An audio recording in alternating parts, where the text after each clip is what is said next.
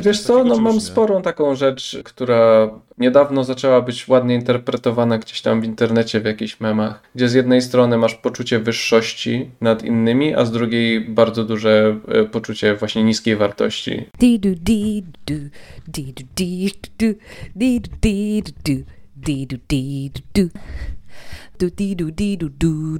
Cześć! Bardzo miło, że oglądaliście kolejny odcinek podcastu Nie Tylko Pytania. To jest podcast, w którym rozmawiam y, głównie z komikami y, i dzisiaj właśnie w pewnym sensie jest komik, bo jest autor komiksów, twórca YouTube'owy albo YouTuber, jak niektórzy wolą. No i ja postrzegam ciebie, Kuba, jako komika, bo gościem dzisiejszym jest Kuba. Jakub Dębski, Dem 3000, Demland i dużo różnych nazw. Cześć, Dem. Siemano, Witalski. Dzięki za zapro. No ja dziękuję, że, że się zgodziłeś przyjąć zapro i, i chciałbym od razu, tak, tak się zacząłem przedstawiać, że ten, ten komik, y, autor komiksów, youtuber i tak dalej, to czy ty jesteś w ogóle komikiem? Tak można o tobie powiedzieć? E, wiesz co, znaczy nie mam, nie mam pojęcia w jakim, w sensie w takim standardzie, nie wiem, czy amerykańskim, czy nawet takim w sensie, wydaje się, że słowo komik jest takie bardziej właśnie skojarzone bardziej z amerykańską jakąś szkołą, nie? W sensie, że u nas się jednak mówi kabareciarz albo coś. Nie jestem stand-uperem, mimo że tam chwilę robiłem jakiś stand-up. Nie robię kabaretów, nie występuję specjalnie scenicznie, więc jeżeli by określić komika w tych kategoriach, no to nie jestem komikiem, ale jeżeli liczymy robienie śmiesznych rzeczy w internecie, to jak najbardziej. Ale wydaje mi się, że fajnie jest to, że, że komik ma taką wąską, te, taką e, wąską definicję, przynajmniej gdzieś w mojej głowie. Dzięki temu można e, odróżniać jednych od drugich, więc, więc zazwyczaj nie, nie określam się jako komik, ale kiedyś tak robiłem. Ciekawe, dla mnie jest właśnie odwrotny. Dla mnie komik jest taką bardzo szeroką definicją, że i tego stand-upera, najbardziej do stand-upera dla mnie. To jakby komik najbardziej mi się kojarzy ze stand-uperem, mhm. może improwizatorem, nie? Z kabareciarzem rzeczywiście mniej.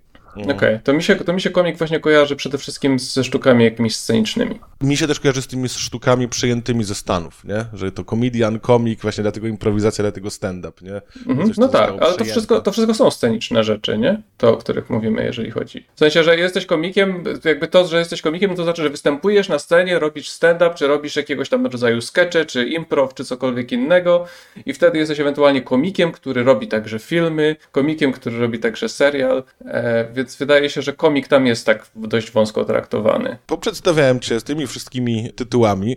Kim z tych osób najbardziej jesteś? Skoro już nie komikiem to ustaliliśmy, to, to, to chyba najbardziej komiksy, najbardziej YouTube, czy jeszcze coś innego? Co jest, jak o samo sobie myślisz? O, no ja mam sporą trudność z tym, tak szczerze. Czasami czasami daję radę coś y, wy, wy, wymyślić na chwilę, za kogo się uważam, bo fajnie było, w sensie przez długi czas myślałem o sobie przede wszystkim komiksiarz, ale zajmuję się tak wieloma innymi rzeczami. No i teraz bardziej jestem znany z animacji, czyli tych kuców z Bronxu e, przede wszystkim, e, więc wtedy mógłbym powiedzieć, nie wiem, rysownik czy coś takiego, ale była inba na Wikipedii o to, że zostałem wrzucony do kategorii rysownika. W ogóle wywalili mnie z Wikipedii, bo ktoś był bardzo oburzony. No w sensie to był jeden z powodów.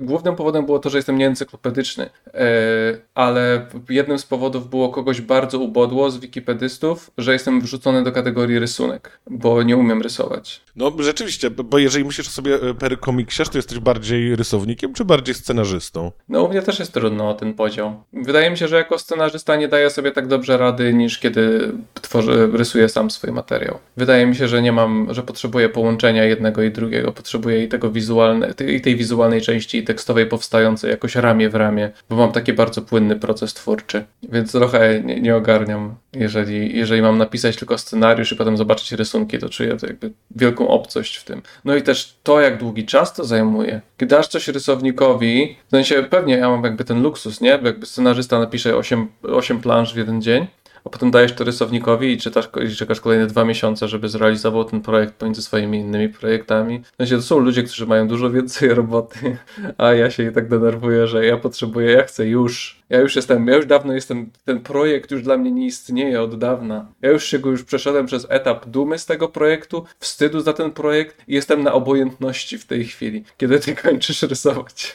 I co, oni się przesyłają rysunek i ty stwierdzasz, dobra, już nawet nie chcę tego publikować, już zapomniałem. E, nie, znaczy to zazwyczaj ja nie publikuję, to zazwyczaj jest, do, jeżeli są obecnie, jeżeli są jakieś prace, że ktoś, ktoś mi tam coś rysuje, to to jest do jakiegoś rodzaju zinów, gdzieś, gdzieś tam zewnętrznie tworzone.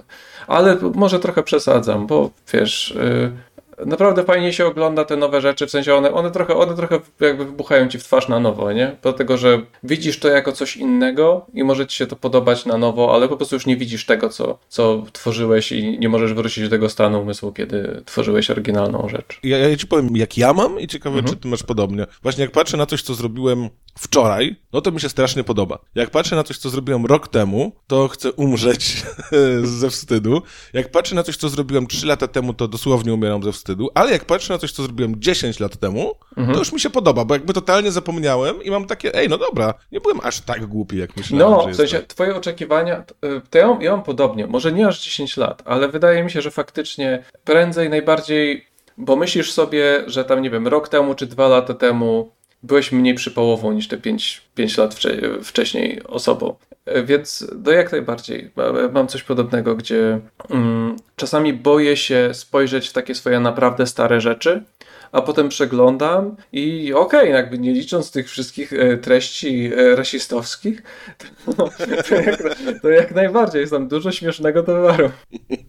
No, a, a, masz tak, że masz jakieś na przykład rzeczy na YouTubie, yy, czy no to najbardziej, bo najłatwiej usunąć, nie? Na przykład na YouTubie, które chciałbyś usunąć, ale w sumie nie usuwasz z jakiegoś powodu, ale jak na nie patrzysz, to cię dreszcze przechodzą, czy, czy nie ma czegoś takiego? E, wiesz co, no, miałem bardziej, w sensie troszeczkę były we mnie dwa wilcy, że masz tego jednego, który myśli sobie, że okej, okay, trzeba e, jakby takie rzeczy usuwać, dlatego że ktoś może dostać jakby to wszystko bez kontekstu po prostu. YouTube czasem algorytmem ci podrzuci jakąś rzecz i dostajesz po prostu rzecz, z którą kompletnie się już nie podpisujesz i uważasz za szkodliwą, e, nie wiem, nawet, nawet humorystyczne przekazywanie takich rzeczy. E, a z drugiej strony wydaje się, że jest to jakiegoś rodzaju ważny dokument, takim sensie, że chcemy widzieć, jak ludzie się stają lepsi, że, że można się poprawiać, że to, jakby, że to, może, że to może istnieć, nie? że to nie jest tak, że jesteś skazany na e, pewien, pewien, pewien e, punkt myślenia. Więc e, tak naprawdę robię to trochę case by case ze swoimi rzeczami, gdzie na przykład wydaje mi się, że nie da się teraz dotrzeć Będę musiał się upewnić. E, do moich starych komiksów, ale jest ta stara przeglądarka do moich starych komiksów 2004, e, tam 2012. Nie przedrukowuję tych, które są właśnie takie, który, pod którymi bym się już nie podpisał, e, ale one w internecie nadal są i można je przeglądać razem ze wszystkimi starymi tymi komiksami. I trochę nie wiem do końca, co z tym zrobić. Ale jeżeli chodzi o takie rzeczy jak YouTube, gdzie autentycznie on ci może po prostu wziąć i hej, spójrz na, spójrz na ten materiał o tym, jak Dębski mówi o tym, że y, jeżeli y, masz y, zespół Downa czy coś, to zostaw ten kurs szachowy. To jest, to, jest materiał, którym bardzo chcę się dzielić ze wszystkimi teraz. Pewnie, że tak, dzięki YouTube. E, więc ten materiał jest kompletnie jakby wrzucony jako prywatny, a inne z nich pomyślałem sobie, że takie, które nie są jakoś tak, wiesz, skrajnie moim zdaniem szkodliwe, e, wrzucam jako niepubliczne po prostu. Więc one są częścią playlist, więc jeżeli ktoś będzie chciał sobie przejrzeć całą serię, ogarnie się czy coś, no to już jest jakieś założenie, że wraca sobie do czegoś, co sobie tam przypomina, e, a nie dostaje losowy filmik w internecie od YouTube'a. E, no i wtedy to nie pojawia się w wyszukiwaniach, więc już jest trochę kamień z serca. I tak chyba wrzuciłem tam, nie wiem, odcinek o tej tam, że e, psychologia i choroby psychiczne to jest dla ludzi, którzy są jakby zbyt słabi, żeby, żeby się wziąć za siebie. To jest niesamowite, jakby wiesz, bo ja tworzyłem to wszystko tak trochę, że ludzie nie do końca wiedzieli ironicznie czy nieironicznie, nie? I ja często sam nie wiedziałem, ale podobało mi się, że wrzucam rzecz, która jest jakby, a no będzie jakby, a niech się żrą ze sobą, jakby zobaczmy, czy ten, czy to trolling, czy nie trolling, niech, niech nie mają pojęcia. Ale ja byłem, jeżeli chodzi o swoje poglądy, zakupiony e, sporo. Więc nawet rzeczy wtedy, które mówiłem często, nie dzieliłem ich, a takie rzeczy jak na przykład, nie wiem, w komiksikach jakieś rasistowskie karykatury czy coś takiego, to jest coś, co po prostu stwierdzałem, o to jest standard, to jest to, z czego się śmiejemy w internecie, powiedział człowiek, który spędza większość dnia na forczanie w tamtym czasie. czyli tak, czyli te rzeczy, których się wstydzisz, to są bardziej y, kwestie poglądów niż na przykład żartów y, słabych albo, nie wiem, słabej jakości albo, y, nie wiem, własnego wyglądu, bo tego też się czasem wstydzimy. Tylko po prostu patrzysz na tego dema korwinistę i po prostu, Boże człowieku. Mhm, tak, zdecydowanie bardziej poglądowo mam problem. Z żartami z żartami często myślę, że rzeczy mogły być przypałowe w przeszłości, ale potem jak je przeglądam, to czasami to idzie mi w drugą stronę, gdzie, gdzie zastanawiam się, czy, czy jest jakiś regres. No. To jest, najbar- to jest najbardziej przerażające uczucie i, czas, i czasami nie wiem, czy to, że nie chcę przeglądać swoich starych materiałów, to jest dlatego, że się boję, że b- będę cringe'ował z tego, czy dlatego, że będę stwierdzał, o mój Boże, nie umiałbym już tak teraz. Nie umiałbym już teraz zaimprowizować czegoś takiego. Tak jak, nie wiem, robiłem te pierwsze ogarnięcie, które z jakiegoś powodu tam eksplodowało. To było tam, nie wiem, 10 odcinków, które nagrałem tam w dwa dni. Po prostu brałem różne losowe przedmioty, które miałem wokół siebie i improwizowałem do kamery porady na ten temat. Nie mam pojęcia, czy teraz bym umiał coś takiego zrobić. Jak sobie binge'owałem ten twój kanał teraz, to bardzo dla mnie było ciekawe to, że rzeczy, które mi się podobały wtedy, kiedy wychodziły i były nowe, Mhm. Teraz już wyglądają na mnie trochę dziwnie. Na przykład to ogarnij się. I, bardziej, i nie chodzi mi nawet o, o twoją twórczość, tylko o styl YouTube'owy, o te takie typowe zabiegi YouTube'owe, które kiedyś były fajne, a teraz już są po prostu tak nadużyte i każdy to kiedyś robi, już każdy robi lepiej. Nie? Jakieś mhm. te fonty, dźwięki, przestery, takie żarty, które wtedy były takie super fajne i, a, i wtedy to mega działało, a teraz tak, no nie wiem, mnie wolę coś dobrze wyprodukowanego. No, znaczy to, to jest ciekawa kwestia, bo mm, wydaje mi się, że można, że, że jedno i drugie można zrobić w fajny sposób. W sensie, yy, czasami właśnie jak patrzę na te swoje starsze rzeczy, jeżeli chodzi o takie montażowe rzeczy, to po prostu robiło się to tak dla przypału, dlatego że to jest śmieszne, że randomowa rzecz się wydarza teraz, ale nie ma w tym tej całej myśli, która za tym stała jakoś oryginalnie, czyli jakichś niskich wartości produkcyjnych, które są celowo niskie, a robi się takie trochę, o losowy filtr, co się dzieje w tej chwili i nikt nie jest zdziwiony już, nikt już nawet nie jest, już wszyscy straciliśmy słuch, więc nikt już nie jest specjalnie zirytowany tymi przesterami nawet, więc nie można nikogo tym wkurwić. Ale mm, sporo z tej estetyki mi się podoba, takiego, e, takiego taniego programu. Chociaż no to też różne metody są osiągania takich rzeczy. Czy mniej profesjonalne są rzeczy robione właśnie jakimiś bardziej domowymi warunkami. W sensie nie, nie, bo mówisz o technicznych, nie? O technicznych, mówię o technicznych, ale też y, o takich... Yy nie wiem, sposobie mówienia, jakby tak, wiesz, jest mhm. jakaś taka kultura, coś, co wypada robić w danej chwili, nawet nieświadomie się to przejmuje, nie, że gdzieś tam youtuberzy byli mniej więcej podobni w jakimś tam czasie, yy, potem są troszkę inni, mhm. a to są głównie techniczne rzeczy, ale też podejście do techniki, właśnie to takie świadome, świadomy zły montaż, nie, świadomy randomowy montaż, ucinanie w połowie słowa, nie? E, znaczy nie, no moim zdaniem to jest bardzo dobre działanie komediowe nieraz, takie, takie ucinanie yy, i no to jest po prostu metoda budowania konkretnego formatu, więc tutaj bym nie wrzucał tego, że to jest właśnie e, coś, co, coś nie wiem, coś, coś, coś e, bezcelowego, czy niskiej jakości technicznie, bo to jakby budujesz, próbujesz budować format, który próbuje ci przykuwać uwagę, więc potrzebujesz, żeby cały czas pojawiało się nowe słowo, bo jak będzie sekunda ciszy, to ktoś wyłączy. E, ale zmiana, którą bym teraz wskazał przede wszystkim, to po prostu profesjonalizacja YouTube'a, nie? W sensie, że pojawiły się tam duże reklamowe pieniądze, więc wszyscy chcą wyglądać trochę profesjonalnie z tym. No też jakby jakość sprzętu i sprzęt, na którym jesteśmy w stanie montować rzeczy stał się tańszy i lepiej dostępny. Więc wszyscy są trochę bardziej profesjonalni, którzy w tym siedzieli. I pewnie no z tego to się trochę bierze. No mój pierwszy program jaki ja miałem, no to to był Cyberlink Power Director, wersja darmowa, zdaje się z jakimś... Nie, ja ją kupiłem, bo to był, to był najtańszy program graficzny. Zdaje się, że można było dostać wersję, wiesz, taką dla jednego użytkownika za 400 zł czy coś takiego. I miałem legalny program do montażu wideo.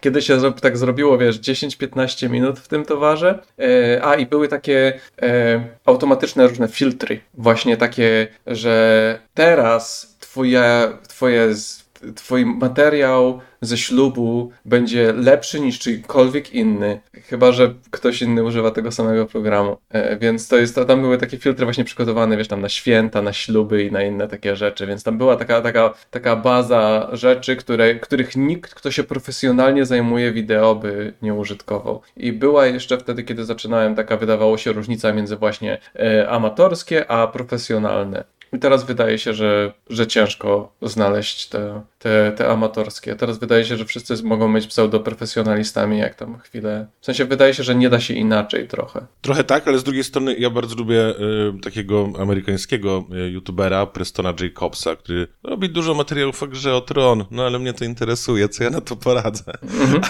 ale on mówi... Jest, jest, jeszcze co o tym gadać tam? Wiesz co, on robi o książkach, więc zdecydowanie... No to jeszcze gadać. mniej, no to czekaj, to jeszcze mniej jest jest, nie? Czy w 2011 ostatnia nie wyszła? Tak, ale tam jest bardzo, bardzo, bardzo dużo treści, nie? Się bardzo okay. mocno roz, y, roz, jest dużo bardziej rozbudowane niż ten serial, więc jest o czym gadać, jest to takie moje guilty pleasure. No ale w każdym razie on powiedział jakieś coś takiego bardzo fajnego, co sobie często przypominam, że jeżeli ktoś zaczyna kanał mhm. Mm, i w swoim pierwszym filmie ma zajebisty dźwięki, idealny obraz, znaczy to ja już wiem, że to nie będzie fajne, nie? Że ktoś okay. to robi nie dla zajawki, tylko to robi właśnie po to, że wiesz, żeby się wypromować jako influencer i reklamować pastę do zębów, a nie dlatego, że go coś naprawdę interesuje. E, to też nie, nie kupuję tego.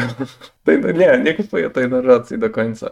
Bo wydaje się, że y, też. No bo to jest kwestia, z którego punktu w życiu wychodzisz chyba. W sensie, jeżeli jesteś. Możesz, jeżeli wychodzisz z zajarania jako nastolatek, który jeszcze nie ma, nie zarabia jakichś pieniędzy w, w, żad, w, żad, w żadnym miejscu, nie ma jakby swojego, swojej kasy, no to jak najbardziej. Ale jeżeli jesteś kolesiem, który chodzi normalnie do roboty i ma swoją normalną dzienną pracę w jakiejś branży i stwierdza, o, może chcę zrobić swój kanał YouTube'owy, to oczywiście będzie mieć, zwłaszcza jeżeli to jest jakaś branża medialna czy artystyczna, no to prawdopodobnie będzie mieć gdzieś wyższe wartości produkcyjne, będzie mieć już kasę na sprzęt, na swoje zajaranie, wiesz, to nie jest żadna dziwna rzecz. Ludzie potrafią po prostu z dnia na dzień zdecydować, o, ja chcę teraz kolekcjonować noże i ma y, noży kupione za 10 tysięcy następnego dnia na, na start kolekcji. Więc wydaje się, że z takiego zajarania spokojnie mogą powstawać kanały, które mają jakieś wartości produkcyjne, ale na pewno jest też sporo takich, które pewnie ma na myśli ten jak Jacobs, tak? Dobrze tak, mówię? tak. Preston Jacobs, tak pewnie dobrze gada y, z tym, że no, dużo łatwiej jest po prostu powstać, które kanały powstają po prostu jako banery dla marek, po prostu jako, jako źródło, y, jako, główne źródło zarabiania, jako biznesplan. Czy wiesz, mi się wydaje, że, że jeżeli ktoś, y, rzeczywiście z jednej strony jest łatwiej i taniej teraz kupić rzeczy, ja sam wiem po sprzęcie do nagrywania, że jakość, którą mogę teraz osiągnąć nie jest i tak jakaś super najwyższa, a kiedyś to by mnie, na... 10 lat temu, no to byłaby kosmicznie droga i nie do zrobienia a teraz to, to nie, w 1000 zł się mogę zmieścić ze sprzętem, który będzie naprawdę ok. Totalnie. Ale jeżeli ktoś sobie zakłada, że zrobi kanał, to mnie to znacznie mnie interesuje, niż jeżeli ktoś y, zrobi film. I potem może ewentualnie zrobi drugi film, a jak mi się mhm. będzie chciało, to zrobi trzeci film, niż od razu będę miał kanał. Okej, okay. nie, no rozumiem.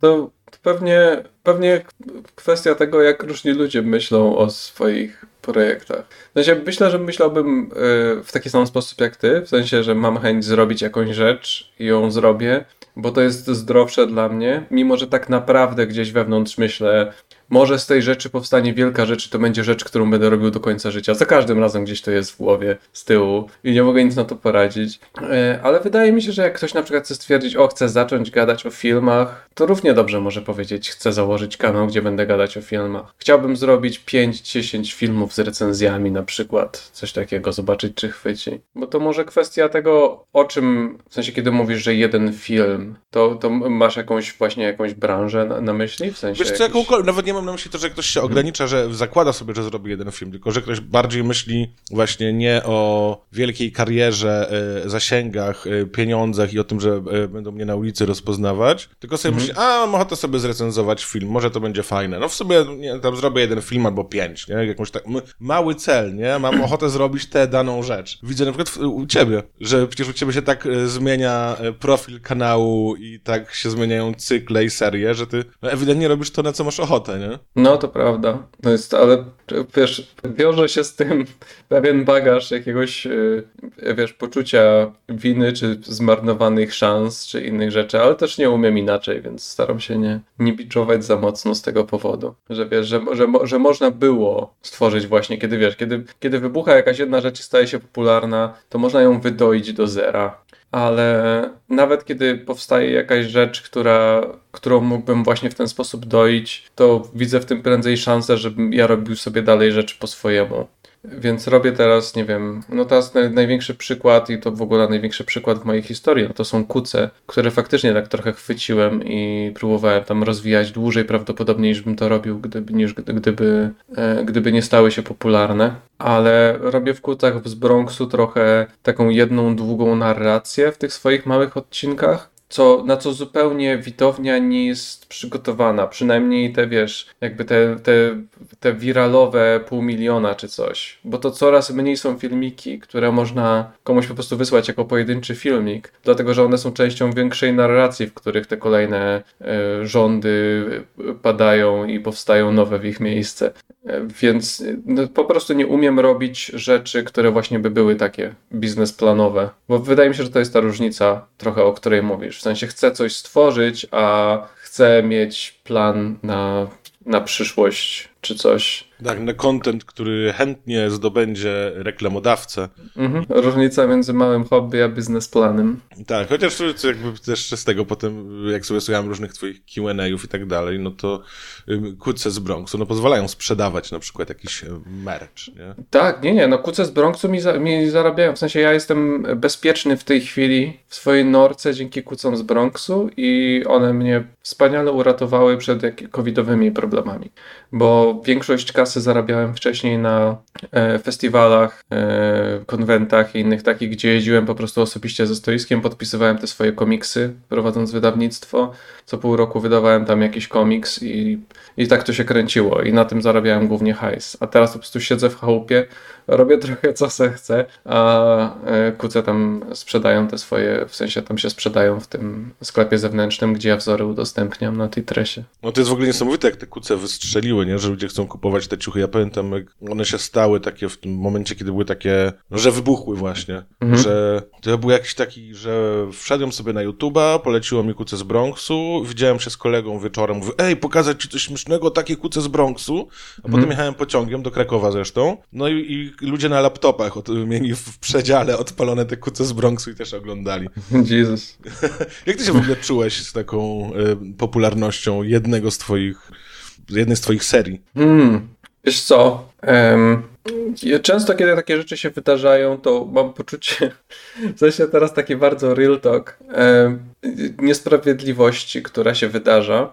I to nie, nie jakaś altruistyczna tam niesprawiedliwość, że wiesz, że inni ludzie tworzą jakby wysokiej klasy rzeczy, w które wsadzają tyle serca, tyle pracy, a ja robię jakieś ladaco i wypuszczam w internecie, tylko bardziej to jest tak krzywdzące dla mnie, bo ja czasami robię coś, w co wkładam tyle pracy i tak się przykładam do czegoś i potem nie mam pojęcia po prostu co eksploduje i czasami mam wrażenie, że im mniej się przykładam do czegoś, tym większa jest szansa, że, że, że to gdzieś wystrzeli. Tak, totalnie tak to działa w twórczości, też coś o tym wiem. Rzeczy, do których się bardzo przyłożyłem, w ogóle nie zadziałały nigdy, a rzeczy, do których się mm. nie przyłożyłem, działają choć troszkę przynajmniej. Nie, Co? E, nie no właśnie ma być jakoś, że to po prostu musi tak być, że e, jeżeli chodzi właśnie, no jako, że też się zajmujesz humorem, no to może to jest po prostu kwestia, że to musi być jakaś taka e, szybka, dzika energia, żeby takie rzeczy działały. I może ewentualnie jakiś następny krok to jest nauczyć się, nie wiem, brać właśnie ten, te, te, te chwilowe rzeczy, przy których się nie przykładasz i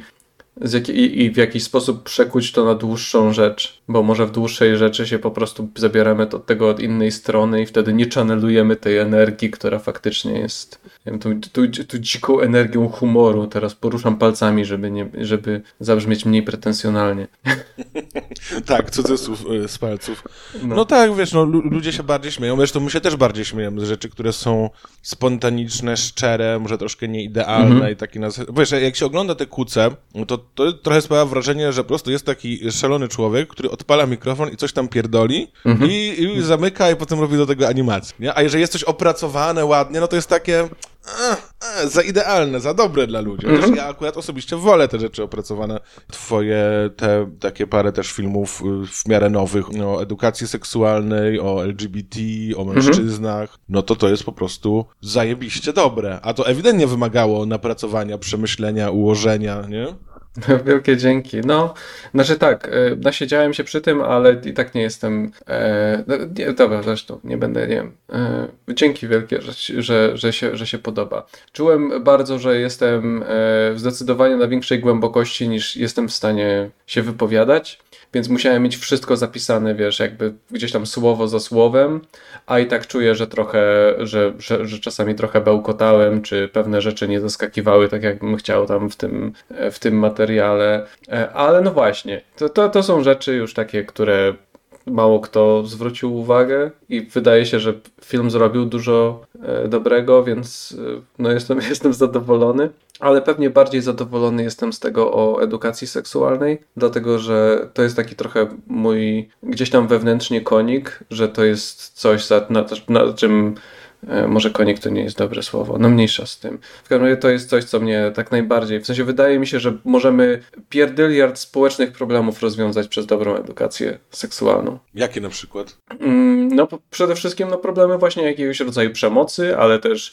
e, samotności, właśnie nie, nie wiem, niezrozumienia nawet e, między płciami. Myślę, że można by sporo takich właśnie jakichś incelowych naleciałości gdzieś tam zlikwidować w zalążku przez komunikowanie się właśnie nie E, nie, nie, komunikowanie e, kwestii seksualnych właśnie w jakiejś takiej negatywnej e, formie. Gdzie wydaje się, że jeżeli masz to właśnie gdzieś tam, że, że, że masz jakiś głos, który ci właśnie przedstawi to z innej strony niż masz to przedstawiane po prostu wałkowane z góry na dół, przez to tworzy nam się taki, taki, taki krąg patrzenia na siebie nawzajem. No ten film o tej edukacji seksualnej to akurat nadrobiłem wczoraj wieczorem, więc mam na świeżo. Mhm. I tam ta taka rzecz, o, którą przywołujesz z tego dokumentu i która rzeczywiście, y, ja wcześniej o tym nie pomyślałem, to to, że seksualność jest w niektórych krajach rozumiana bardzo jako po prostu kontakty seksualne, jako seks, mhm. nie? że seksualność. Tak. A w tym dokumencie jest bardziej rozumiana jako przyjemność y, z ciała, nie tylko w kontekście erotycznym jakiegoś podniecenia, tylko jak nie wiem, żeby też wiedzieć, że jak jesteś dzieckiem, dzieckiem i wujek chce cię drapać po brzuszku, a ty nie masz ochoty być drapany po brzuszku, to możesz mu powiedzieć, że nie, prawda? Totalnie. No, to jest nawet nauka takiej po prostu prostej autonomii y, ciała człowieka. E, tego, że, że, że potrzebujemy nawet takich rzeczy jak zwykłe ciepło czy przyjaźnie. Takie rzeczy, jak nie wiem, właśnie tam ta wielka kontrowersja, która tam krzyczała, że chcą, żebyśmy masturbowali dzieci, to jest jakby tam największa z możliwych bzdur. I to jest z jakiegoś powodu absolutne szaleństwo, gdzie nawet będziesz rozmawiać z ludźmi, którzy no, normalnie jakby są rodzicami, czy coś współcześnie, że nadal to będzie jakimś standardem, że jeżeli dziecko się dotyka, to jest nadal jakaś wielka kontrowersja, że dzieci od małych, od małego, tam od szóstego miesiąca będą się już łapać za genitalia, będą sprawdzać, co tam się dzieje w, tym, w, e, e, w tych narządach. E, będą się dotykać i że standardową reakcją jest powiedzieć, że nie, że nie wolno i to jest absolutnie ten. To, czego powinniśmy uczyć w takich momentach, to, że nie wolno w miejscach publicznych. A to, co się naturalnie dzieje, co mamy jakby pierdyliard badań, e, w sensie i obserwacji też, że po prostu dzieci przestają w pewnym momencie tego i wytwarza się też naturalnie no jakiś taki też y, wstyd przez rozumienie właśnie jakby swojego ciała i pu, pu, pu, publicznego życia. No, jak słychać, ja nie jestem za dobry w mówieniu o takich rzeczach, więc staram się unikać zazwyczaj takich tematów, dopóki nie mam przygotowanych kilku akapitów, które mogę po prostu przeczytać, bo od razu mam taki potężny mętlik, że próbuję powiedzieć o wszystkim naraz. I nie walnąć jakiegoś babola, nie? Bo to też jest problem, żeby no. czegoś, czegoś nie ja, ja jestem, ja jestem pewien, że to był jeden wielki chaos teraz w tym, co mówiłem. Z tymi mężczyznami też bardzo fajnie wszedłeś od takiej rzeczy trochę dem sprzed 10 lat, czyli że o, mężczyźni mają gorzej, bo pracują w kopalniach i muszą hmm. puszczać kobiety w drzwiach i żyją krócej i popełniają samobójstwa i tak dalej. No i potem tłumaczysz ten feminizm, że on, jakby, że rozwiązaniem tego nie jest mniej feminizmu, a więcej feminizmu w tym nowym rozumieniu tej równości płci, a nie takim antymęskim, nie? Mi się bardzo, bardzo podobał ten film.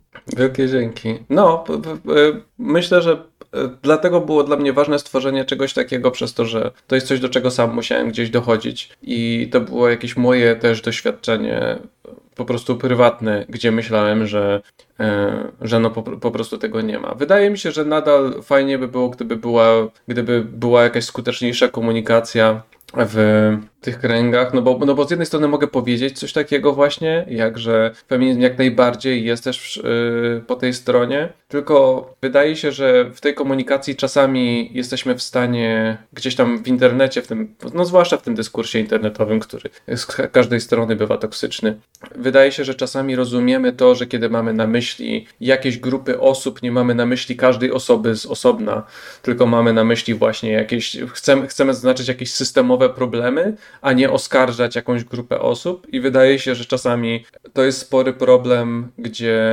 e, naturalnie trudno jest mi winić mężczyznę, który będzie reagował e, obronnie na sytuację, w której będzie, e, w której będzie atakowany, że o, jako mężczyzna coś tam, coś tam, dlatego że to niezrozumienie pojawia się po każdej stronie. W sensie, że możesz mieć spokojnie takie komentarze, że ty jako mężczyzna się nie odzywaj, bo mężczyźni coś tam, coś tam i nagle przenosisz właśnie tego jednostkowego mężczyznę, tego mnie, o którym nic nie wiesz, na właśnie na problem społeczny, który jest autentycznie poważnym problemem, ale kiedy przerzucasz to na pojedyncze osoby, to nagle sprawia, że okej, okay, dobra, ja jestem wrogiem po prostu dlatego, że jestem danej płci. No i wtedy to jest trochę przejebane. Czy ty myślisz o tym, żeby więcej takich y, społecznych nagrywać, czy to było parę takich strzałów i, i koniec? Byłem w jakimś takim momencie w życiu, że bardzo chciałem wyrzucić z siebie parę rzeczy, e, ale to było trochę właśnie bardziej jak mówisz, chcę stworzyć taki film, i potem chciałem stworzyć następny film i następny film. I to było trochę tak na fali tego, e, co się działo, e, z, bo to właśnie wtedy właśnie były te strajki kobiet i były strefy wolne od LGBT i ta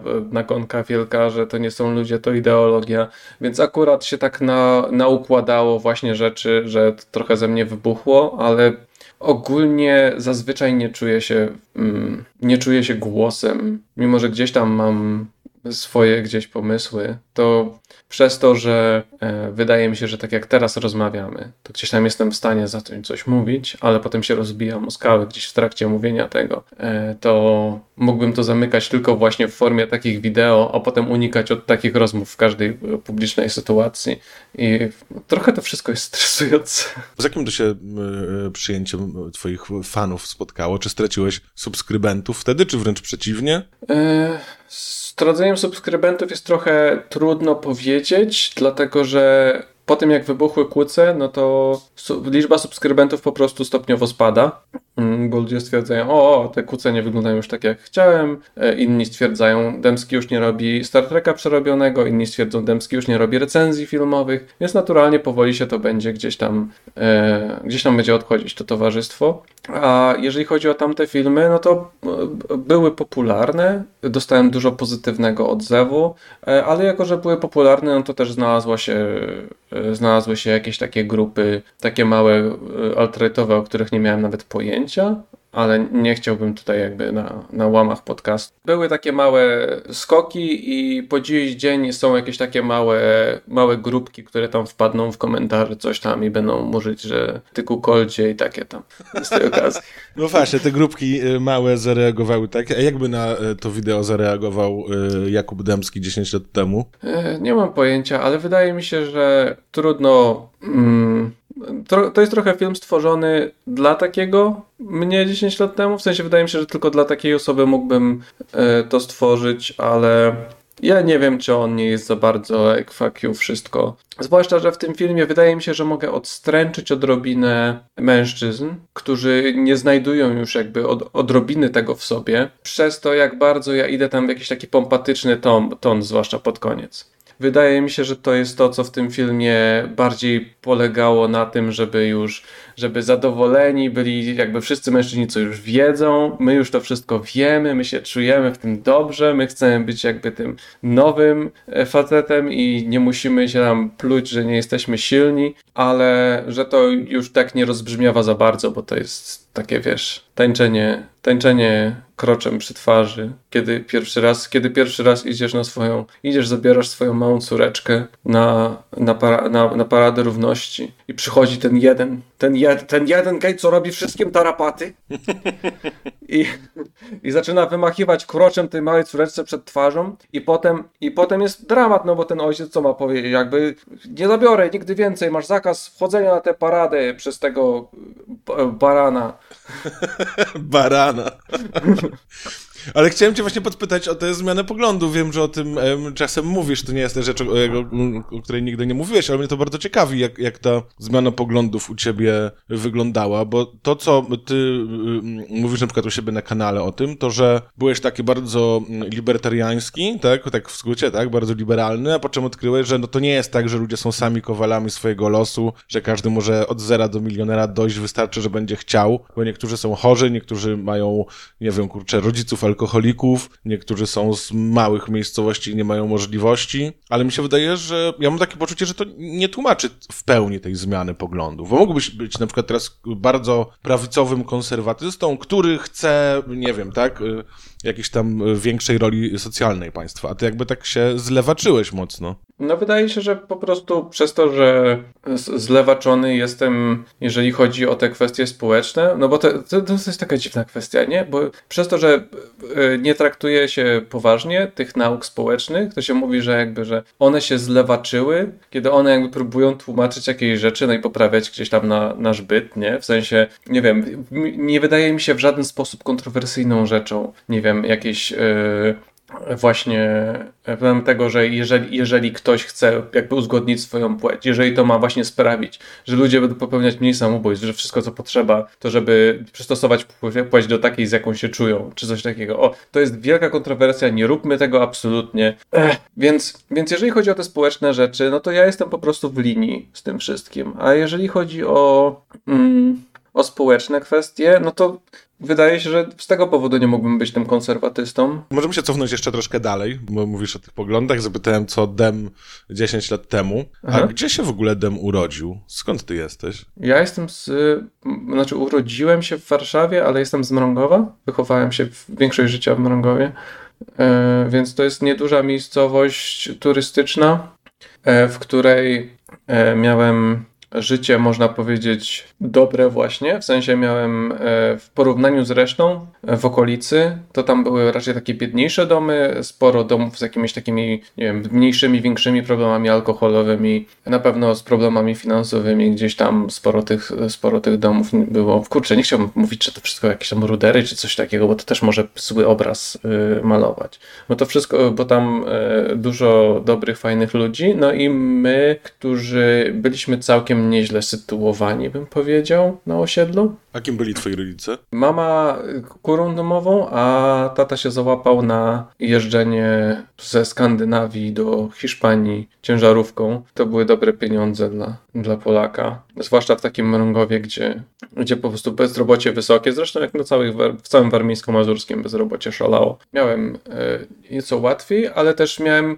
absolutne zero świadomości w tej kwestii. W sensie potrafiłem, pamiętam była taka sytuacja, gdzie byłem u kolegi i okazało się, że na obiad, jak spytali, spytaj, spytał co na obiad i babcia powiedziała ziemniaki, to ja się śmiałem sobie, czemu ci powiedziała ziemniaki, jakby jakie mięsko będzie. I potem on dostaje po prostu michę ziemniaków. To jest to, co jest na obiad. I no i się śmiałem. I wszyscy się tam śmiali. W sensie to był, to był absolutnie standard, nie? Szkolny, że śmiejemy się z y, najbiedniejszych tych. Pamiętam, że był taki wielki żart, że y, jeden chłopak jest taki biedny, że pod choinkę dostał y, pudełko zapałek i się popłakał ze szczęścia.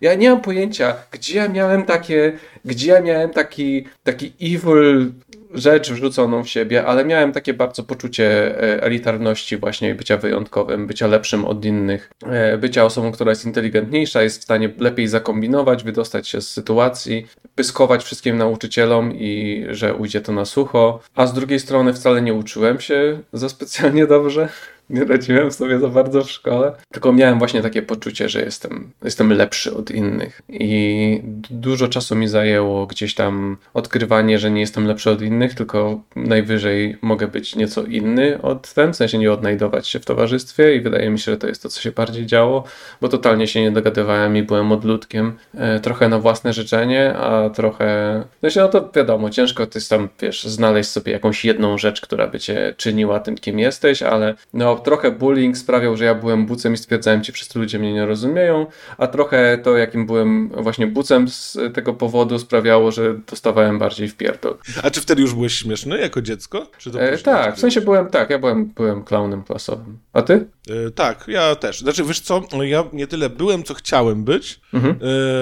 E, zawsze był ktoś śmieszniejszy w klasie ode mnie, bardziej sprawny społecznie, bo ja też tam jakiś, nie zawsze wiedziałem, jak się zachować, ale chciałem mhm. być i zawsze mnie komedia interesowała ciebie takie, nie wiem, oglądałeś jako dziecko kabarety na przykład i ciebie to jarało albo coś takiego, czy, czy zupełnie jakby jako komedia, komedia do ciebie nie, nie docierała wtedy? Mm, nie, docierała, nie docierała do mnie y, komedia w sensie y, nie mogłem oglądać y, komedii w telewizji za bardzo, bo jak nie wiem, próbowałem oglądać jakiegoś Monty Pythona czy coś takiego, to mama kazała przełączać, bo to głupie. Nie pozwalała mi oglądać świata według kiepskich. 13 posterunku. Co tam? O, miodowe lato były legalne, bo to śmieszyło moją mamę. Nie, to jest jakieś 98, 99, kiedy 13 posterunek. No to, to są, to jest, to już było trochę czasu. A tak naprawdę ja głównie humoru uczyłem się z gazetek z dowcipami i z komiksów, Kaczorów Donaldów, y, Tomów Jerry, y, Królików Bugsów. Kupowałem absolutnie wszystkie komiksiki, jakie mi padły w ręce, takie humorystyczne właśnie. I z tego się uczyłem i sam zacząłem już w wieku 6 lat rysować komiksy. I oczy one wyglądały podobnie jak teraz? Zapytam złośliwie. trochę, trochę tak, jakby metody są, metody są podobne, że wydało się w ciągu jednej godziny lekcyjnej narysować planszę komiksu. No dobra, czyli jesteś sobie tym dzieckiem troszkę bogatszym, yy, nieśmiałym, odkrywającym humor yy, w Mrągowie. To jak to się stało? Dlaczego nie mieszkasz w Gdańsku, yy, tylko mieszkasz w Krakowie? Dlaczego tak daleko od Mrągowa cię rzuciło? Mm, mieszkałem w Warszawie, kiedy robiłem szkołę aktorską. A potem przyjechałem tutaj do Krakowa za dziewczyną i co prawda już nie jestem z tą dziewczyną, ale dobrze mi się tutaj żyje. Jakoś tak zrobiłem tutaj, mam, mam, mam teraz tutaj przyjaciół i jakoś tak Kraków się stał moim miastem. Czyli już nie jesteś takim odludkiem jako dziecko, masz przyjaciół? Miałem jednego przyjaciela, takiego szkolnego, z którym się dawno nie widziałem zresztą, bo on tam cały czas na tej dalekiej północy. A bywasz tam w Mrągowej jakoś, czy nie masz okazji? Nie, nie za bardzo, bo już tam i no, dom, dom rodzinny już poszedł pod młotek i tak dalej, więc się rodzice rozeszli i jakoś tak do Mrągowa mnie nie ciągnie. Zwłaszcza jakby od czasu, kiedy się COVID zaczął, no to nie było mnie ani razu. Więc to już co tam, na pewno ponad rok, a nie wiem, no to nie wiem czy na święta. Nie, na święta też nie byłem. No to mo możliwe, że mija jakoś dwa lata od kiedy byłem ostatni raz tam. No dobra, powiedziałeś o tej szkole aktorskiej. To była szkoła Machulski, prawda? Zgadza się, taka, że płacisz i wygrywasz. No właśnie. Czy to jest od razu odpowiedź na moje pytanie, dlaczego nie jesteś aktorem, czy to nie jest odpowiedź na moje pytanie? Nie, myślę, że odpowiedzią na twoje pytanie jest to, że nadal zostały mi trochę te bucowe naleciałości. W sensie nie jestem w stanie pracować z innymi. To jest, to, to jest trudne. Mam, nie wiem, e, potrzebuję, żeby moje rzeczy powstawały w takim czasie, jaki ja chcę je zrealizować. E, chcę, żeby były zrealizowane odpowiednio, a do tego jeszcze mam taki impostor syndrom, że boję się, że jeżeli kogoś w to wciągnę, to wszyscy będą zawiedzeni e, tym, co zrobiłem, że nie będzie wystarczająco dobre. Dlatego, że to jest to, co się dzieje, jeżeli ja się zaczynam do czegoś przykładać, to że nie, to nie ma jest takim sukcesem jak rzeczy, które zrobię na szybko. Masz taki impostor syndrom w ogóle, że czujesz, że ludzie się zaraz skapną, że wcale nie jesteś taki fajny, jak myślą? Wiesz co, no mam sporą taką rzecz, yy, która niedawno zaczęła być ładnie interpretowana gdzieś tam w internecie, w jakichś memach, gdzie z jednej strony masz poczucie wyższości nad innymi, a z drugiej bardzo duże e, poczucie właśnie niskiej wartości. E, takie dwie, dwie rzeczy, gdzie się muszę odbijać, gdzie stwierdzasz, o, jestem lepszy od tego i tego i od tego i od tego, więc to jest nadal jakiś, jakiś konkurs, który musisz sobie jakby tłumaczyć, że to nie jest kurwa konkurs. I na wszystkich jest miejsce i wszyscy robią różne rzeczy.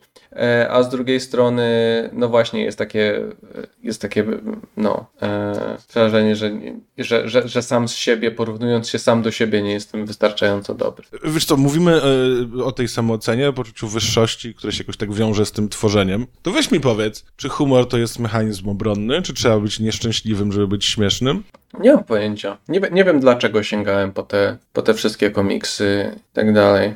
Czy to, czy to jest po prostu mechanizm obronny? Wydaje mi się, że jako mechanizm obronny byłem w stanie się dopiero tego nauczyć, kiedy ktoś mi wytłumaczył, że mogę to stosować jako mechanizm obronny. Że byłem właśnie, że, że prędzej to było wydurnianie się, zwracanie na siebie uwagi, po prostu potrzeba e, taka zwracania na siebie uwagi, a, a potem dopiero kiedy się okazywało właśnie, że słuchaj, że możesz nie traktować tego tak poważnie, możesz nie być jakby, że nie wiesz co powiedzieć i jesteś cichy i ten, kiedy, kiedy się śmieją, tylko jest, jesteś w stanie to jakoś przekuć. Bo jako mechanizm obronny humor może być fajny, ale wydaje mi się, że to bardzo rzadko funkcjonuje, bo to może być mechanizmem obronnym głównie wtedy, kiedy umiesz śmiać się z samego siebie, a wydaje się, że często, yy, zwłaszcza no, jeżeli jesteś w jakiejś szkole czy coś takiego, no to nie jest coś, co istnieje. Zazwyczaj no to jest jakaś tam właśnie próba mm, przebicia się Nie jestem pewien. A co, a jak, a jak, jak, u, jak u ciebie, jak myślisz? Wiesz co, ja myślę, że y, mechanizm obronny nie, nie zawsze jest dobry, w sensie po to jest, żeby był dobry i zazwyczaj mimo wszystko Aha. jest, ale czasem jest taki zbyt sztywny i ja na przykład walczę z tym i w dużym stopniu mi się to udało pokonać, ale na pewno tego nie pokonam nigdy, że ja zaśmiewam problemy, nie? że ja kiedy jestem smutny albo chory, albo zły, to jestem, jestem najśmieszniejszy, jestem, im bardziej jestem nieszczęśliwy, tym bardziej jestem śmieszny. Mhm. Jak jestem zrelaksowany, wtedy nie jestem y, śmieszny i się dobrze czuję.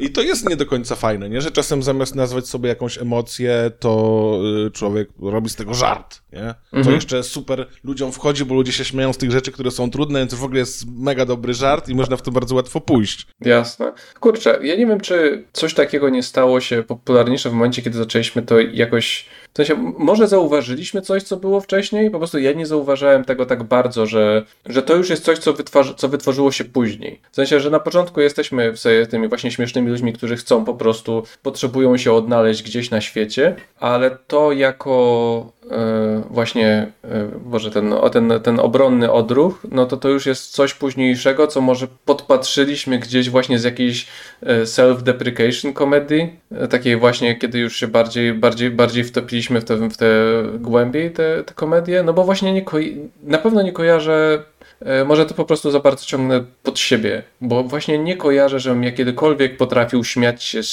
siebie tak do liceum. Mm, ale wiesz co, to nie musi być śmianie się tylko z siebie tak naprawdę, żeby to był taki mechanizm obronny i humor, bo to może być... E, dobra, teraz mam skojarzenie, nie? Mhm. Bardzo, bardzo dużym problemem bardzo wielu osób jest ojciec alkoholik. I jest taka seria memów, twój stary najebany. I to jest naśmieszne, nie? To jest mhm. y, mówienie o tej trudnej sytuacji tak, żeby była śmieszna. Ja na przykład mam tak, że ja, kiedy jestem chory, nie żartuję z tego, że jestem chory, a nie, nie żartuję z siebie, ale żartuję z wielu innych rzeczy i poprawiam sobie nastrój i tak dalej, zamiast po prostu zaakceptować to, że kurczę, jestem chory, źle się czuję i jestem, wiesz, delikatny w tym momencie. Pewnie. Kurczę, to nie wiem, no bo właśnie, no bo mówisz właśnie o zjawisku, które jest jakimś jakimś memem późnym. W sensie, że zauważamy te rzeczy już może z jakiejś takiej bardziej bezpiecznej perspektywy. Zastanawiam się, czy taki sam mem byłby popularny właśnie, w sensie, czy jest popularny wśród młodszych, czy to jest coś właśnie, my już jakby dorośli, milenialsi, e, możemy się już śmiać gdzieś z perspektywy z tego, gdzieś trochę. W sensie, w sensie nawet jeżeli do, do nas to już trafia, no to już jesteśmy dojrzalsi, już bardziej rozumiemy te wszystkie rzeczy i dlatego możemy się śmiać jakby z tych trudnych rzeczy, które przechodziliśmy. Wiesz co, ja przefiltruję przez siebie może, żeby też powiedzieć, mhm. o co mi chodzi. Pewnie. Może mieliśmy podobnie, a może właśnie zupełnie nie. Ja nie siedzę bardzo w komiksach, ale jako dziecko mm, czytałem jakby Catcher Donald, jak wychodził, to ja od razu do kiosku szedłem i był kupowany Catcher Donald. I ja uwielbiałem czytać Catchera Donalda i o różne śmieszne rzeczy i jakieś tam inne komiksy miałem i słuchać jakiejś audycji kabaretowej, jak się w telewizji więcej kabaretów mhm. pojawiło, to, to tego słuchałem i ja wiem, że to była ucieczka dla mnie, nie? Że ja po prostu, żeby nie... Miałem jakieś tam trudne rzeczy w domu i żeby po prostu o nich nie myśleć żeby ich nie było. Jakby wiesz, nie opowiadałem żartów o sytuacji w domu, nie słuchałem żartów o sytuacji w domu, ale jakby się z... rozpraszałem swoją uwagę, odwracałem, wiesz, spojrzenie i też trochę sztucznie sobie podwyższałem nastrój, bo zamiast być, nie wiem, smutny albo zły, że coś się dzieje, no to mhm. nie, jestem wesoły, bo Catcher Donald! Okej, okay. a to, to, to, nie, to pewnie, to ja to czaję. W sensie, a taki eskapizm jak najbardziej, to mogę się pod tym podpisać. Myślałem po prostu, że mówimy tylko o właśnie tym, my komicy wytwarzamy sobie poczucie humoru, czyli śmianie się właśnie z rzeczy jako mechanizm obronny na te trudne rzeczy, ale jeżeli mówimy właśnie mechanizm obronny w sensie uciekanie w jakiś świat, no to pewnie, to tak samo może to być komedia, tak jak dla innych jest muzyka, czy oglądanie filmów dla innych, czy, czy coś tam, nie? To, nie wiem, to mi się przypomina od razu ta piosenka Mountain Goats, Boże, czy to się nazywa FM po prostu, czy Dance Music. W każdym razie no to jest właśnie o tym, o ojczymie alkoholiku, gdzie oni tam jakby, kiedy tylko zaczyna się jakaś przemoc na dole, to on ucieka do swojego pokoju, zamyka się i ustawia muzykę na najgłośniej możliwie i tańczy sobie do tej muzyki, która tam jest właśnie jako, jako ucieczka od tej sytuacji, którą, z którą się znajduje w domu. Więc od tej strony jak najbardziej y, może, może być ale myślałem, że bardziej pytasz właśnie o to, czy to nasze poczucie humoru, które my mamy, e, ta, potrze ta potrzeba rozśmieszania, to jest, to jest e, właśnie powstaje jako mechanizm obronny i gdybyśmy mieli szczęśliwe życie, to nie, nie, nie bylibyśmy śmiesznymi osobami. No ja wiem, że tak nie jest, że ludzie mogą być śmiesznie, będąc szczęśliwi, jak najbardziej, ale pamiętam, że kiedyś się z moją znajomą komiczką, nie będę jej z nazwiska wymieniał, żeby jej tam nie demaskować, zastanawialiśmy, mm -hmm. czy gdybyśmy e, przeszli, całkowicie się wyterapeutyzowali w 100%, tak bardzo jak to jest właściwie niemożliwe, to czy byśmy nie mhm. przestali robić komedii. I ja trochę tak mam, że ja bardzo duże, dużo wykonałem w tej terapii i im bardziej y, jakby się zbliżam do końca moich przygód y, terapeutycznych, tym mniej chce mi się robić komedia, tym bardziej chce mi się robić rzeczy na serio albo jakieś, albo po prostu nic. Mhm, pewnie. A czy ty na jakąś terapię w ogóle uczęszczałeś? Albo uczęszczasz? Czy to jest zbyt prywatne pytanko? E, nie, uczęszczam jak najbardziej. Nie, to nie jest prywatne. To się nawet dzielę na, na streamach. Wydaje mi się, że w wielu kwestiach nie jestem super prywatną osobą. Co też jest jakimś takim, wydaje się, tak, taką bardzo pożądaną, czy, czy bardzo charakterystyczną dla, dla komików właśnie rzeczą, że się będą po prostu wyżygiwać ze wszystkim z ich życia prywatnego. Tak, ja też nie mam problemu, żeby mówić rzeczy. Moja żona się czasem dziwi, Jasiek, dlaczego? A ja, co, ale dla, co to komu szkodzi? Co mi to szkodzi, że ludzie się dowiedzą? Co i co z tego? A niektórzy no. tak trzymają swoje tam zasłonięte zasłony do domu, żeby tam ludzie nie zaglądali. Bardzo szanuję tych drugich. W sensie czasami fajnie by było jakby puścić tego gina z powrotem do butelki, ale wydaje mi się, że już jak za dużo kart wyłożyłem tam na stół, żeby teraz stwierdzać, że chcę się chować za żaluzjami. Już za późno na to. Decyzje zostały podjęte. Dzięki dem. Jak Czekaj. na terapii? A, no, na tej terapii. W porządku. Y, chociaż mm, może odkrywam, że tak naprawdę nie mam aż tak dużo problemów, jak myślałem. To jest coś, co u siebie odkryłem. W sensie nauczyłem się bardzo dużo fajnych mechanizmów po prostu y, radzenia sobie y, po prostu ze sobą, jakiegoś większego zauważania swoich emocji i podważania przede wszystkim swoich narracji, takich podstawowych, pierwszych myśli, które mam, a które potrafią być zgubne. Więc wydaje mi się, że że, poleci, że poleciłbym każdemu. Zdaje się, że jest coś takiego teraz na, na NFZ-cie. Można sobie wziąć coś takiego, co jest właśnie jakimś takim cyklem jakichś takich porad radzenia sobie z rzeczami i że to jest właśnie jakaś taka fajna kolekcja. Nie jestem pewien, czy to właśnie moja mama na tym nie była i bardzo chwaliła Kurczę, ale nie, nie, zna, nie znam szczegółów w tej chwili. W każdym razie, jeżeli możecie sobie, e, nie wiem, zarezerwować termin właśnie na taki zestaw NFZ, taki, bo to nie jest właśnie wtedy terapia, tylko to jest... Jakieś szkolenie, kurs, tak. warsztaty, tak. coś takiego, tak? Bo no co, terapię coś, coś to wiem, takiego. że się często czeka bardzo długo na termin, nie? Mhm. się zgłaszają no. na NFZ z myślami samobójczymi. Jest, no tak, termin za rok. I... No, jeszcze covidowo to jeszcze bardziej, nie? W sensie, bo sporo większe zapotrzebowanie się zrobiło, jak się covid zaczął. A musisz się jakoś w ogóle na tej terapii mierzyć z jakimiś trudnymi prawdami o sobie, albo o świecie, albo przeszłości? Kurde, e, wiesz co, no jak najbardziej.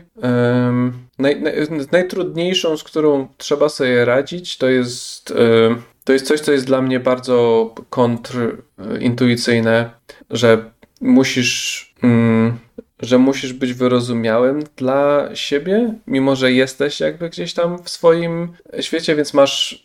Znaczy, kurczę, no to jest trudne, bo o, o, sobie wiem więcej niż o innych osobach. Jestem w stanie wybaczyć innym więcej i to jest niby logiczna rzecz. Jeżeli jesteś w stanie wybaczyć innym, to czemu sobie nie jesteś wybaczyć w stanie?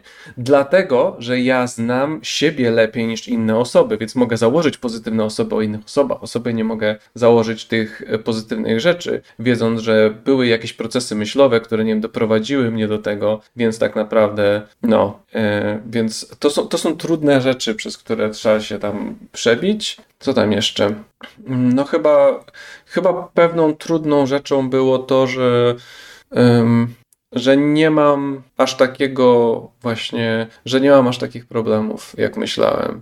A, czyli byłeś takim cierpiącym po prostu. Bo ja potrzebuję, ja mam gdzieś wyszkolone potrzebę, potrzebę, żeby być żałowanym i to jest absolutne piekło. W sensie nikt, e, jeżeli właśnie powiesz coś takiego, właśnie na, na podcaście, czy tak jak teraz, wydaje się, że e, to nie jest coś, co, co będzie jakby przychylnie gdzieś, wiesz, widziane, że coś takiego masz. O, okej, okay, jakby, uff, Ale niestety, no to jest, to, to jest coś, czego musiałem się e, oduczyć, żeby, żeby nie zajmować się właśnie czynnie jęczeniem, bo no po prostu można było, słuchaj, u mnie w domu, jak była kara na komputer czy coś takiego, wystarczyło się wystarczająco bardzo spłakać, być nieszczęśliwym i bum, szlaban poleciał, nie było. Chyba, że ojciec był to wtedy Olbecarow, jak wrócił z Tyra. No tak, no w ogóle y, takie y, cierpienie tak bardzo mocno jest też sposobem właśnie i na trochę zmanipulowanie kogoś, osiągnięcie mhm. jakichś celów i na zwrócenie na siebie uwagę, uwagi innych osób i też na bycie wyjątkowym, nie? To jest nawet taki rodzaj narcyzów, którzy są mhm. narcyzami nie dlatego, że są najwybitniejsi, tylko dlatego, że najbardziej cierpią na świecie. Tak, totalnie, totalnie. Jakby ty jesteś właśnie największą, największą ofiarą wszystkich. No to tak, to jest dużo. To, to nie miałem do takiego, w sensie to miałem wcześniej, z tego się już na szczęście uczyłem gdzieś tam po drodze, ucząc się empatii do innych ludzi i stwierdzając, że jest całkiem w porządku, ale to, czego się bardziej na terapii nauczyłem, to, że może nawet nie mam jakichś większych problemów y, lękowych niż przeciętna osoba, tylko to jest coś, co gdzieś tam urosło w mojej głowie po prostu przez to, że tak dużo mamy na temat zdrowia psychicznego w internecie, właśnie memów, które jakoś tak no, normalizują to i kiedy stwierdzasz, o mogę się pod tym podpisać, pod tym podpisać, pod tym podpisać, to stwierdzasz, okej, okay, jedziemy po moje leki, czy co, nie wiem.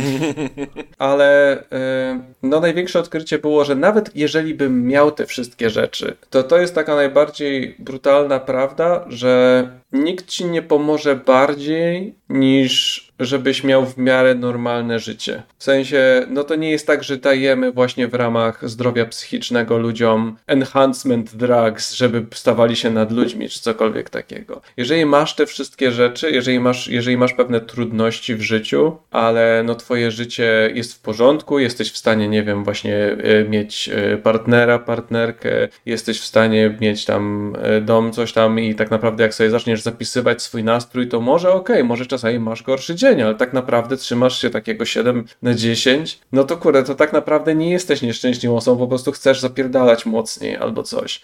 I nikt ci nie przepisze dodatkowych y, dragów za to, na to, żebyś, żebyś mógł napierdalać mocniej, bo nie o to chodzi. Mógłbym mieć spore problemy, gdyby nie to, że moim lekarstwem jest to, że mogę wykonywać taką, a nie inną pracę, że robię sobie co chcę. Prawdopodobnie to by było ogromnym problemem, gdy musiał wejść na rynek pracy, ale to się nie dzieje, więc tak naprawdę to jest tej chwili problem lękowy. Co jeżeli w przyszłości stracę wszystko, co mam? Co jeżeli nie będę w stanie się utrzymywać w ten sposób i wtedy będę osobą niewystarczająco przystosowaną do społeczeństwa i będę miał problemy. Zaraźmy coś teraz na to na terapii. No puknij się ty w łeb tępski.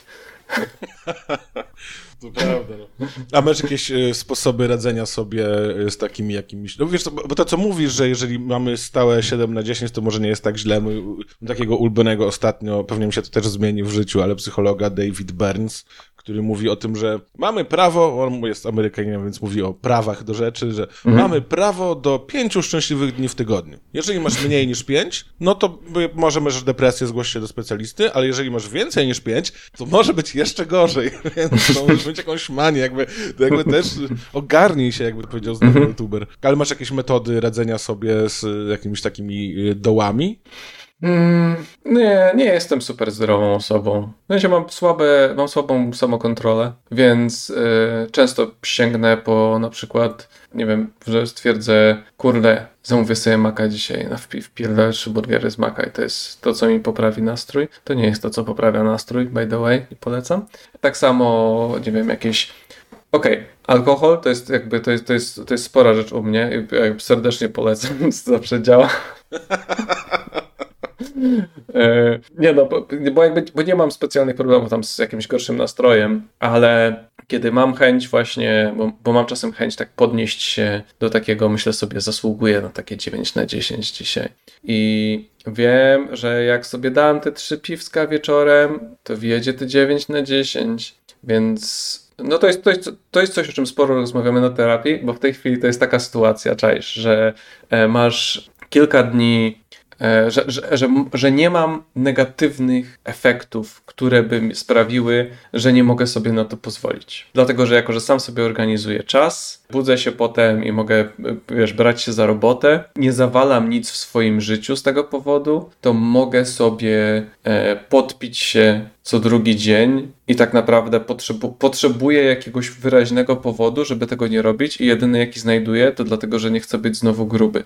A jak mówisz o tym, że te burgery nie podnoszą e, samopoczucia, to nie jest przypadkiem tak, że alkohol, znaczy podnosi w momencie, kiedy wypijesz, ale potem mhm. następnego dnia... Miałem problem z tym, to jest najśmieszniejsze, bo to wyleczyliśmy na terapii, że miałem problem z wielkim poczuciem winy następnego dnia, z którego brały się właśnie ten negatywny nastrój następnego dnia po piciu alkoholu. No i wyleczyłem się z tego. W sensie ja nie czuję się już źle z tego powodu i tak naprawdę następny dzień mam w porządku. W sensie, no jeżeli wypiję dużo, to potrafię się fizycznie czuć źle i to jest, to prawda, to jest, to jest dość słabe i to jest, i to jest minus, ale często to się po prostu nie dzieje więc, e, więc, więc jakoś tak, więc no właśnie, gdybym, gdybym miał to, bo kiedy miałem właśnie to, że o, czuję się źle następnego dnia i nie mogę pracować, to to był, to, to był bardzo dobry powód, żeby rezygnować z tego. Ale teraz jak to trochę zniknęło, bo stwierdziłem, że mogę sobie pozwolić, tak naprawdę nic nie zawalam w swoim życiu, to on takie, eh. Znaczy wiesz, wydaje mi się, że brak y, poczucia winy też w pewnym sensie pomaga tak paradoksalnie trochę zmniejszyć jakieś takie zachowania niefajne, bo ja na przykład wiem, że jeżeli ja, ja mam trochę problem z jedzeniem i ja wiem, że jeżeli ja na przykład się nawpierdalam, mhm. to potem będę miał wyrzuty sumienia. Jak będę miał wyrzuty sumienia, no to co będę miał? No słaby nastrój i w ogóle. A co robię, jak mam słaby nastrój?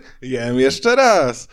Jakbym no. sobie wybaczał to, że się najadłem, no to bym jadł raz, nie? A nie dwa razy. Tak, wydaje mi się, że y, właśnie, bo, to, bo teraz mu, właśnie, bo to może źle ten, no bo to określiłem, to jest jakby trochę ironiczne, że, że, y, że, ten, że to poczucie winy zostało usunięte no, jakby główną szczęścią było ogólne pozbycie się, w sensie w dużej części udało mi się pozbyć właśnie tego poczucia winy za po prostu codzienne decyzje, które podejmuję, stwierdzanie, że jestem porażką, dlatego że nie udaje mi się spełnić moich oczekiwań.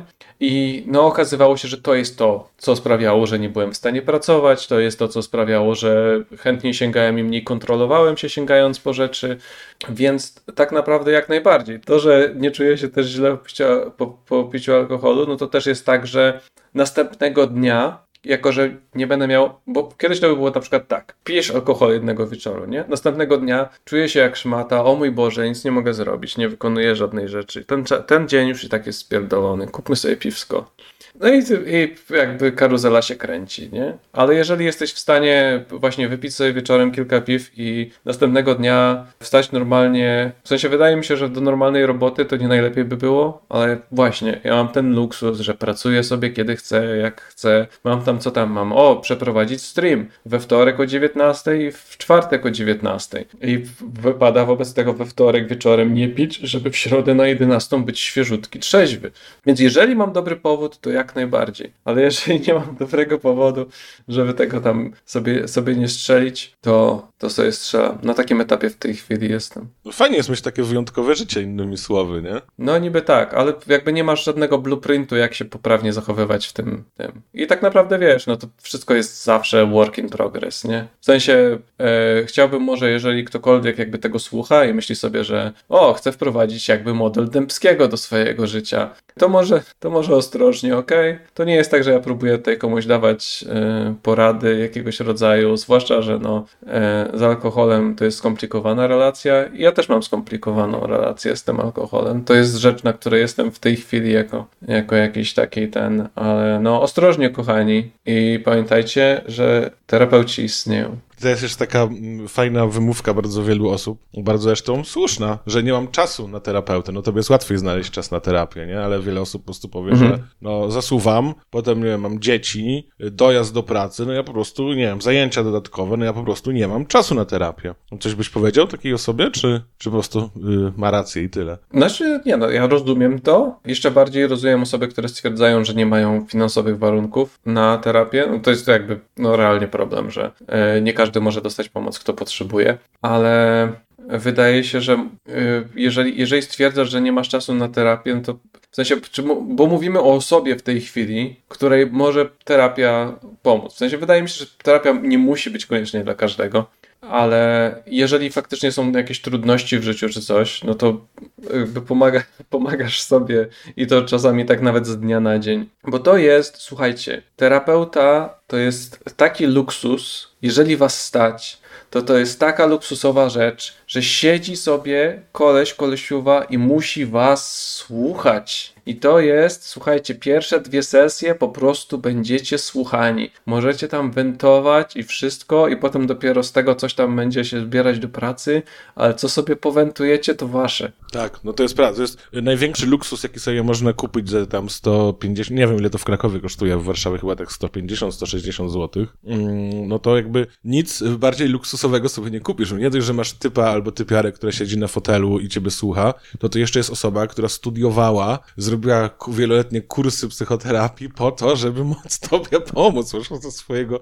no, prywatnego ogarnięcia jest... życia. No. O, i to jest takie wpyte, że mówisz te straszne rzeczy ze swojego życia i totalnie cię nie oceniają, bo się nasłuchali już podobnych rzeczy i gorszych. Jakby to jest takie, że ktoś myśli, że ma coś y, wstydliwego, że go terapeuta oceni, tak by raz, że mm -hmm. do pracy terapeuty należy to, żeby nie oceniać, a dwa, że nawet gdyby oceniał, to on słyszał gorsze.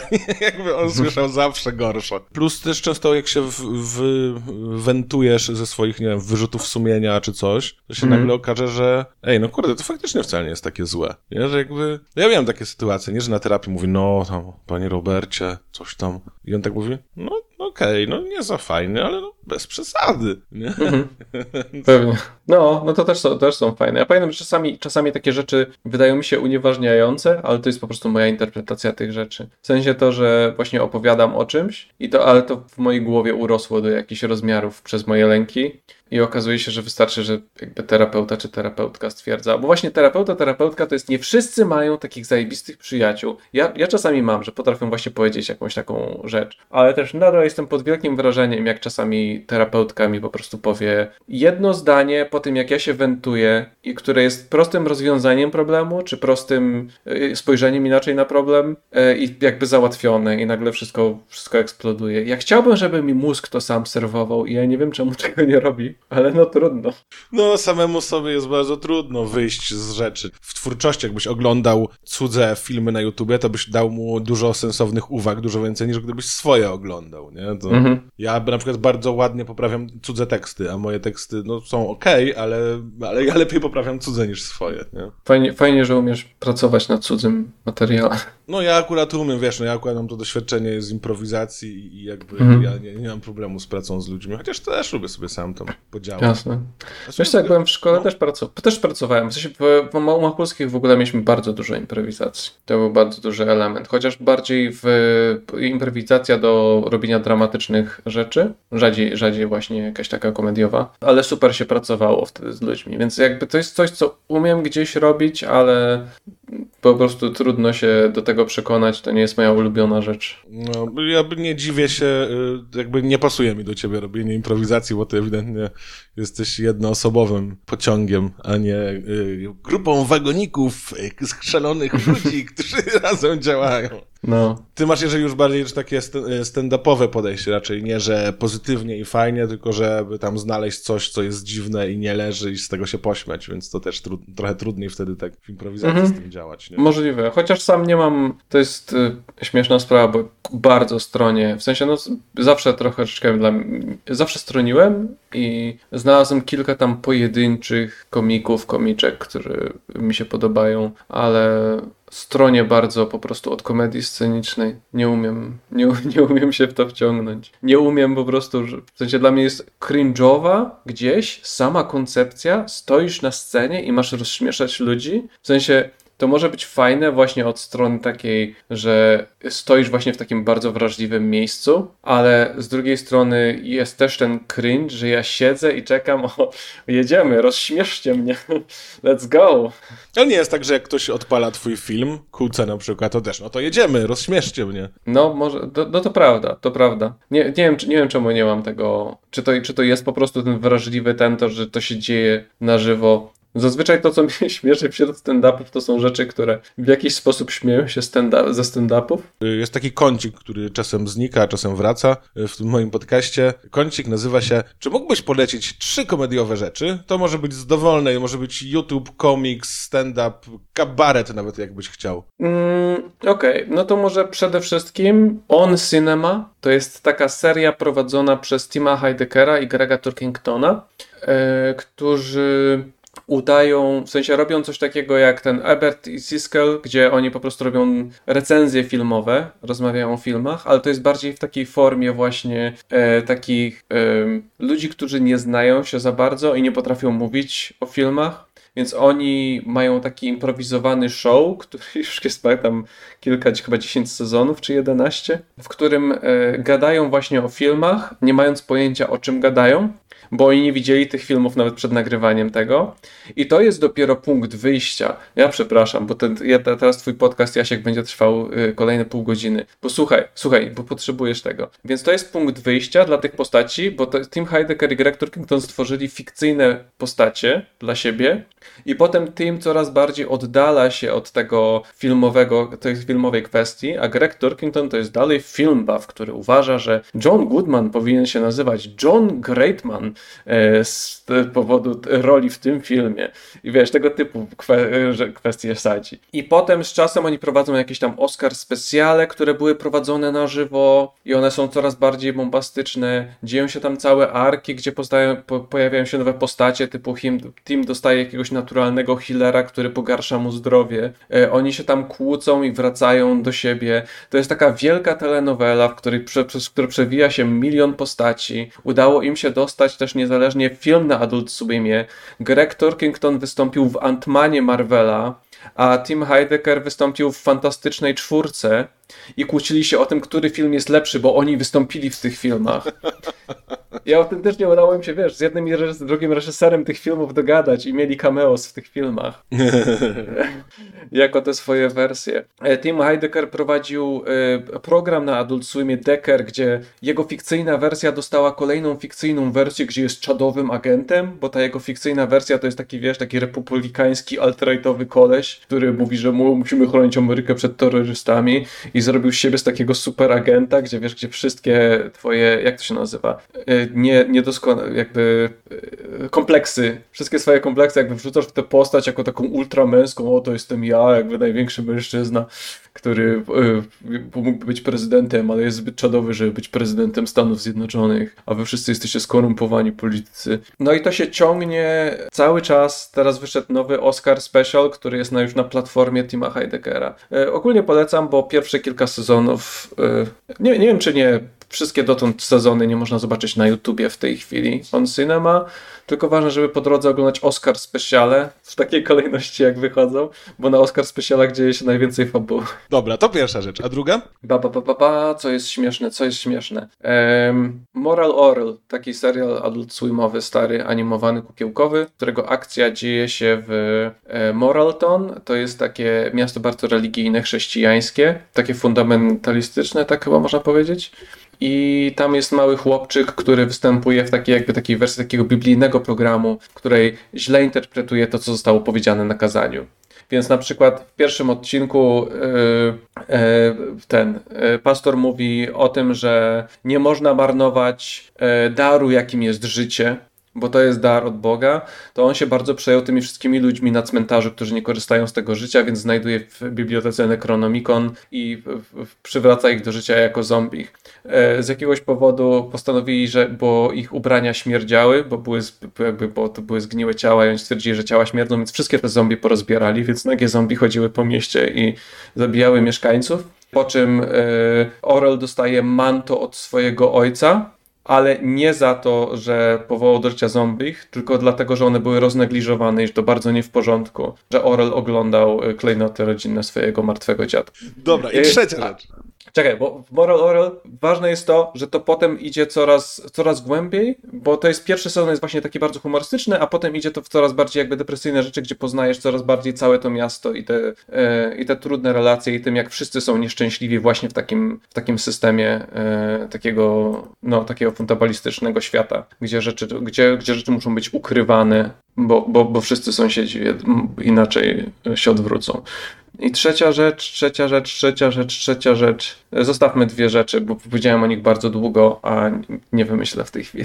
Okej, okay, dobra. A to jest przypadek, że obie te rzeczy... O, to może czekaj. No? E, specjal e, wobec tego Tim Heidecker, jeżeli nie jesteście przekonani, że chcecie taką wielką rzecz jak on cinema, Tim Heidecker zrobił specjal stand-upowy i on zrobił właśnie taką antykomedię An Evening with Tim Heidecker, stand-up special. I to jest taki bardzo antykomediowy, to jest godzinny specjal na YouTubie dostępny dla wszystkich. W tej chwili możecie sobie kliknąć, wejść i, i jedziecie i to jest absolutnie fantastyczny kawałek antykomedii.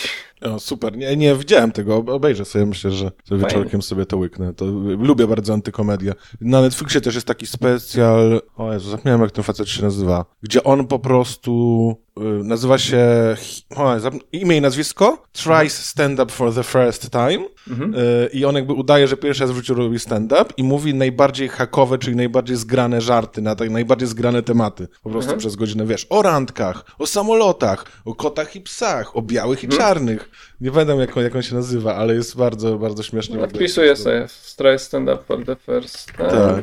Tak, zaraz się dowiemy. Dziękóweczka. Znaczy nie, ja wpisałem sobie w notatnik A, okay. i potem sobie. No, e, Sorry, słuchacze, googlajcie. Tak jak, tak jak mówisz, mogę to zrobić. Czekaj, nie, ja mam tutaj YouTube'a, ja to zaraz zrobię. Czekaj, znaczy mam y, Google'a. Jak go się nazywa? To mam no stand up for the first time. Rory Scovel. A, Rory Scovel, tak. On w ogóle bardzo fajne rzeczy robi, y, tak, i, i to też jest bardzo zabawne, jak on robi taki najbardziej typowy stand-up i jednocześnie robi to całkiem spoko. A czy to okay. jest, y, powiedz mi, czy to jest przypadek, że te wszystkie rzeczy są nie z Polski i ze Stanów? Nie, ja mam skomplikowaną relację z Polską. to znaczy? To znaczy, yy, wiesz co, no, mój, jeżeli chodzi o moje źródła inspiracji w Polsce, to ja czuję, że ja już ogarnąłem to, co śmieszy y, w Polsce i to, co mogę znaleźć jako inspirację do humoru. Ja czuję, że już to znam na wylot od, nie wiem, od nastolenstwa. Przez to, że tak dużo pochłaniałem tego wszystkiego, od, od właśnie zaczynając, no bo co ja tam jeszcze, przeróbki, oglądałem właśnie różnego rodzaju, e, no właśnie te wszystkie książeczki z dowcipami, komiksy, no te kabarety nigdy nie podchodziły za bardzo.